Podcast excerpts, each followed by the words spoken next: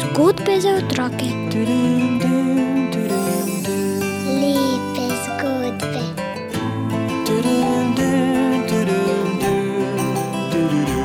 Bere nam jih Juri Sešar. Lepo pozdravljeni.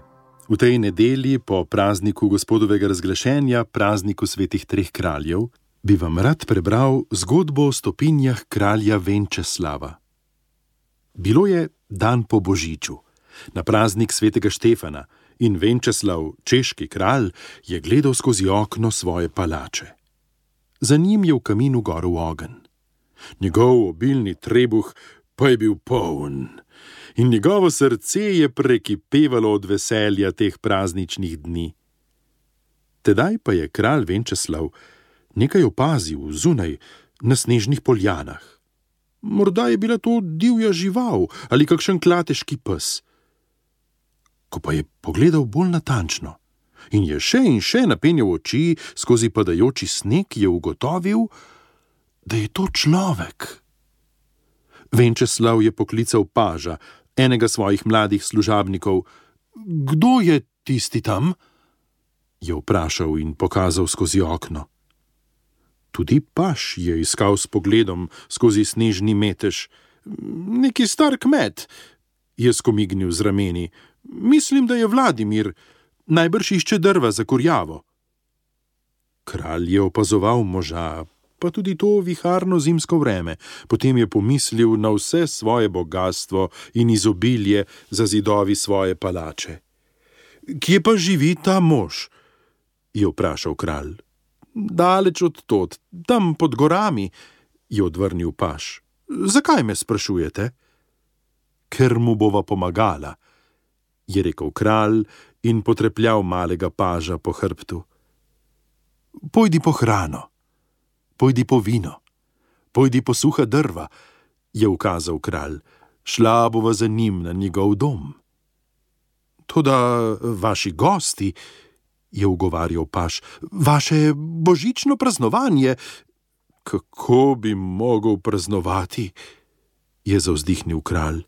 Ko pa ta ubogi človek nima ničesar, s čimer bi lahko ogrel svoj dom, hrane, vina, drv, je znova ukazal. Tokrat tako odločno, da si paš ni upal več ugovarjati.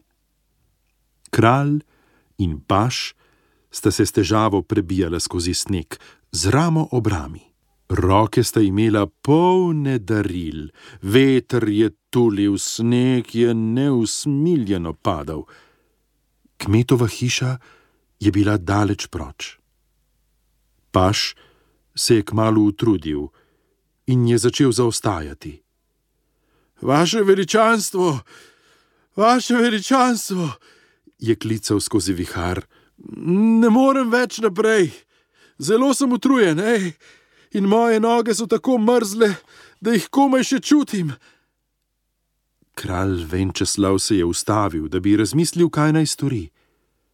Želel je pomagati ubogemu kmetu, to da ne za ceno življenja mladega paža. Že ga je hotel poslati domov, ko se je nečesa domislil. Hodi za menoj, dečko, je rekel prijazno. Stopaj z nogami v moje stopinje. Videla bova, če bo to kaj pomagalo. Tako je tudi storil. Ko je paš stopal z nogami v stopinje svojega gospodarja, se mu je zdelo, kot bi bila tla pod njimi topla. Topla zaradi kraljevih stopinj. Zdaj je bilo lažje hoditi po snegu. Kmalu sta prišla do kmetove koče. Stari Vladimir ni mogel verjeti svojim očem, ko se je na njegovem pragu prikazal kralj. Še bolj pa je bil presenečen, ko je kralj položil preden darila in zaklical: Hrana, vino, drva. Pa vesel božič!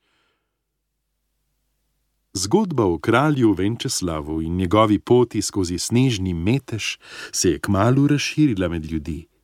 Morda je paš prvi to pripovedoval, morda.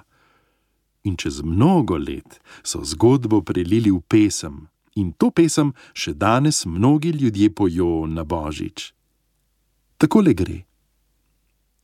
Venčeslav, naš dobri kralj, zamišljeno strmi, vdaljavo zre naš dragi kralj, hladno je zunaj in sneži, kako je bela zimska noč. Tam nekdo nekaj išče, morda nabral bo revni mož suhljadi za ognišče. Pokliče paža dobri kralj, poglej, nekdo tam hodi. Mogoče veš, odkot in kaj, zakaj po snegu blodi. Seveda vem, pod goro tam živi ta siromak, nebo njegov je borni hram in svete neže star vodnjak. Takoj naloži v velik koš mesa in vina in še kaj, takoj odideva na pot do tja na tisti kraj. Noč je grozeča, sneg in mraz, strupeni veter brije in sproti sneg zagrinja gas do revne domačije. Zmorem več, moj dragi kralj. Jaz nimam več moči, vrniva se, moj dobri kralj, poglej, kako sneži. Služabnik, dragi, zvesti moj, po moji sledi hodi. Prišla bova na cilj nocoj, ti le pogumen bodi. Res stopi v shojene sledi, kako so tople, varne. Svetnik jih sredi te noči ogrel je v lučke žarne. Nikar, kristjan, se ti ne boj, ubiraj pravo pot, pomagaj revežem takoj, s teboj gre tvoj gospod.